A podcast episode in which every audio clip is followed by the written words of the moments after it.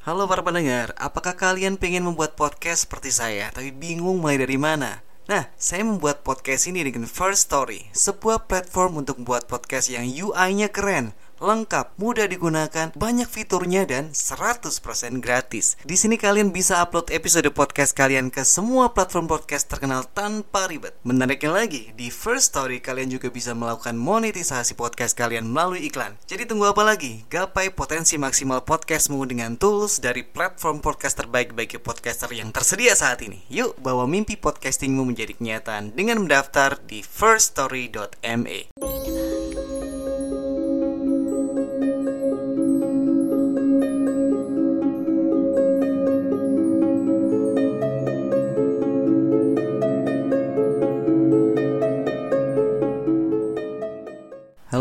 selamat datang dan selamat malam. Kembali lagi di ini narator dari Rumah Indonesia Menyapa Sobat RAI sekalian Semoga sobat semuanya ada dalam keadaan yang sehat Banyak rezeki dan lancar segala urusannya.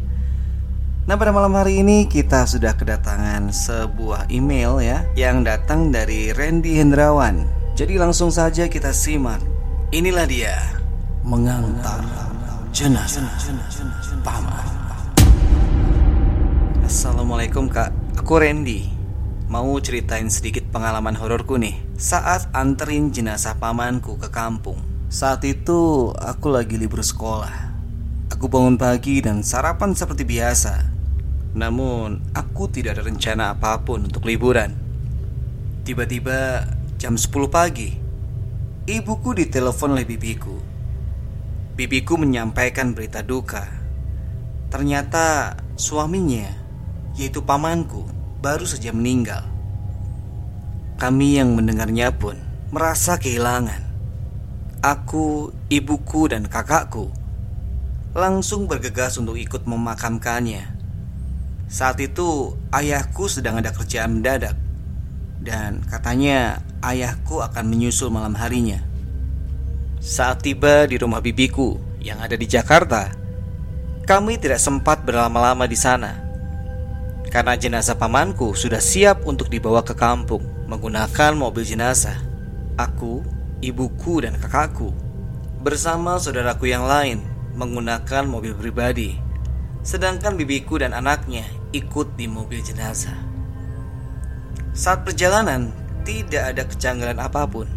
Semuanya lancar sampai tujuan. Kami sampai jam 12 malam di kampung. Semua suasana menjadi pecah Malam itu diselimuti oleh tangisan. Karena saat itu sudah jam 12 malam Aku disuruh tidur di kamar oleh bibiku. Dan aku pun langsung ke kamar untuk tidur.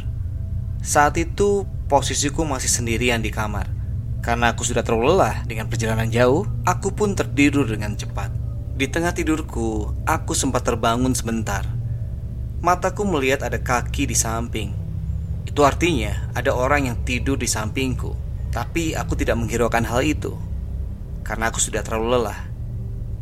Keesokan paginya, sebelum pamanku dimakamkan, aku bertanya kepada ibu, "Mah, bapak mana?" Lalu ibuku menjawab, "Loh, bapak kamu kan belum sampai. Tadi malam baru berangkat, kemungkinan nanti siang baru sampai." Aku pun kaget dan terbingung Siapa yang tidur bersamaku semalam? Kaki yang kulihat memakai celana jeans dan terlihat seperti kaki bapak-bapak. Dan pamanku yang lain tidak ikut ke kampung. Begitu juga dengan bapakku yang sedang menyusul. Lalu, siapa itu? Aku pun tidak menceritakan kepada siapa pun saat itu, karena aku takut semua akan menjadi heboh karena hal ini. Itulah ceritaku, entah itu halusinasi kelelahan atau apa pun itu. Aku juga belum tahu sampai sekarang. Terima kasih. Oke, itulah akhir dari ceritanya Mas Randy. Terima kasih untuk Mas Randy Hendrawan yang sudah menceritakan pengalaman mistisnya untuk kita semuanya. Kalau kalian punya cerita semacam ini, baik cerita mistis ataupun pengalaman mistis, kirimkan ke denny.tristanto1104 at gmail.com Terima kasih sudah mendengarkan sampai akhir. Semoga kalian terhibur dengan cerita tadi. Sampai ketemu di cerita berikutnya. Selamat malam. Selamat beristirahat.